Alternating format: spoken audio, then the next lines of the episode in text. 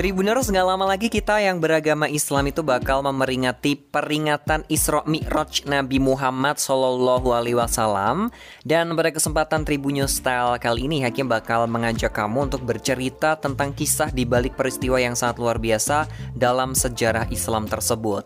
Kita ketahui bersama bahwa 27 Rajab dalam kalender Hijriah itu umat Islam biasanya memperingati Isra Mi'raj di setiap tahunnya. Menurut kalender Islam Global 1443 Hijriah, peringatan Isra Mi'raj 2022 pada 27 Rajab 1443 Hijriah itu bakal bertepatan dengan hari Senin 28 Februari 2022 yang akan datang. Jadi sekitar dua minggu yang akan datang ya. Terus kira-kira apa sih peristiwa yang ada ketika Isra Mi'rajnya Nabi Muhammad SAW itu? Jadi ini Hakim kasih tahu dulu Isra Mi'raj itu merupakan sebuah peristiwa yang sangat penting ya yang terjadi dalam perjalanan hidup Nabi Muhammad Shallallahu alaihi wasallam. Pada peristiwa Isra Mi'raj, Nabi Muhammad itu diperjalankan dari Masjidil Haram yang ada di kota Mekah menuju ke Masjidil Aqsa yang ada di Yerusalem, Palestina. Setelah itu Nabi juga diperjalankan dari Masjidil Aqsa yang ada di bumi kemudian menuju ke langit ketujuh yang nanti juga menuju ke Sidrotul Muntaha.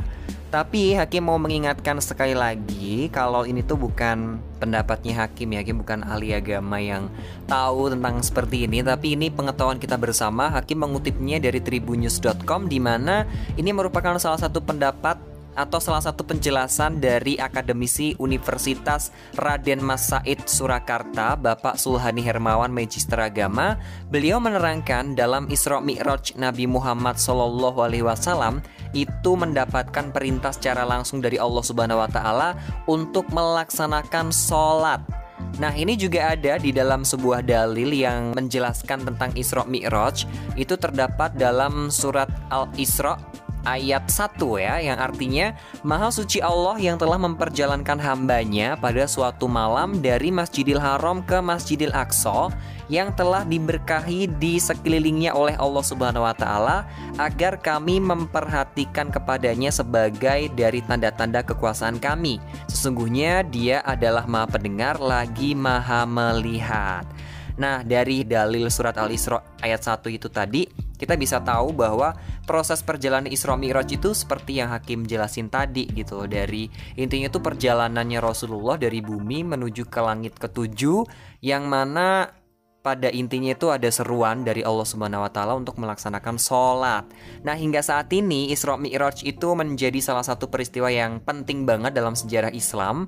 Peristiwa ini menjadi momentum umat Islam dalam meningkatkan iman dan juga takwa karena biasanya pas peringatan hari besar Islam seperti halnya Isra Mi'raj itu biasanya ada kayak perayaan pengajian untuk memperingati Isra Mi'raj, terus juga ada amalan-amalan yang lain yang pastinya juga sangat memeringati banget gitu loh perjalanan Nabi Muhammad SAW dari bumi sampai ke langit ketujuh gitu ya. Bayangkan ya ada berbagai peristiwa yang menyebabkan Nabi Muhammad itu bersedih yang pada akhirnya itu melaksanakan Isra Mi'raj nih ya Tribunars. Jadi ada kisah-kisahnya. Waktu kejadian yang menyebabkan Nabi Muhammad itu sedih itu dikenal sebagai tahun kesedihan atau Amul Husni. Jadi Amul Husni itu oleh para ulama-ulama itu disebutkan terjadi pada tahun ke-10 atau ke-11 masa kenabian. Peristiwa itu terjadi sebelum Nabi Muhammad melakukan hijrah dari Mekah ke Madinah. Perhitungan yang paling masyhur ini menurut Bapak Sulhani itu peristiwa tersebut terjadi pada sekitar 621 tahun Masehi. Jadi ya hitung sendiri deh ya lama banget itu ya. Rasulullah itu hijrah dari Madinah itu tahun 622 Masehi, maka hitungannya itu satu atau dua tahun sebelumnya yang menyebut 621 Masehi. Nah, peristiwa sedih yang terjadi di balik peristiwa Isra Mi'rajnya Nabi Muhammad ini ada beberapa kisah-kisahnya yang menyedihkan di antaranya adalah meninggalnya istri Nabi Muhammad Siti Khadijah yang selama hidup selalu mendukung perjalanan dakwah Nabi Muhammad. Selain itu, sang paman dari Nabi Muhammad yang bernama Abu Talib itu juga meninggal di tahun yang sama. Abu Talib ini adalah orang yang punya kedudukan kuat di kota Mekah karena pemegang suku besar Quraisy di kota Mekah. Salah satu tokohnya adalah kakek Nabi Muhammad Abdul Muthalib yang kemudian diwariskan oleh Abu Talib. Karena cintanya kepada Rasulullah, apa pun yang dilakukan oleh Nabi Muhammad selalu mendapatkan perlindungan kuat dari pamannya, yaitu Abu Talib. Nah, ketika Abu Talib itu masih hidup, Tribunars, orang Quraisy itu masih ada rasa sungkan gitu loh untuk mengganggu Nabi Muhammad. Kan dalam sejarah Islam, Nabi Muhammad itu berdakwah di sana gitu ya kepada orang-orang Quraisy gitu kan. Nah, di sana itu memang banyak sekali penolakan-penolakan yang diterima oleh Nabi Muhammad, tapi berkat adanya paman Abu Talib itu kayak orang-orang Quraisy itu kayak tunduk patuh dengan Abu Talib kayak gitu. Terus ada juga selain meninggalnya dua sosok terdekat dari Nabi Muhammad tadi ada paman dan juga istrinya.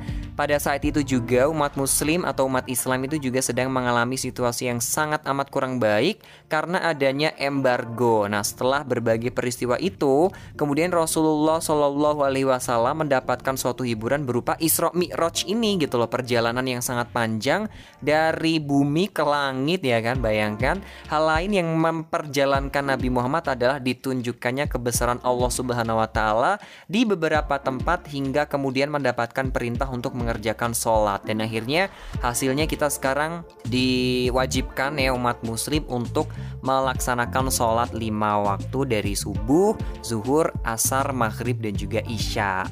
Nah itu tadi Tribuners kisah-kisah di balik peristiwa Isra Mi'raj di balik panjangnya perjalanan Nabi Muhammad dalam Isra Mi'raj. Ternyata juga ada kesedihan-kesedihan yang beliau rasakan pada waktu itu yaitu meninggalnya paman Nabi Muhammad dan juga meninggalnya istri Nabi Muhammad. Oke, Tribuners itu dulu yang bisa Hakim ceritakan kepada teman-teman semuanya di sini. Semoga dengan peringatan Isra Mi'raj itu benar ya tadi yang dikatakan sama Pak Sulhani itu umat muslim seperti kita semua itu bisa meningkatkan keimanan dan juga ketakwaan kita di peringatan Isra Mi'raj pada tahun ini. Thank you for the time dan semoga terhibur dan dan ter ter ter apa ya terbagi pengetahuannya. Sampai jumpa di lain kesempatan. Hakim pamit. Mari kita perbaiki diri kita bersama untuk menjadi sosok makhluk Allah Subhanahu wa taala yang jauh lebih baik.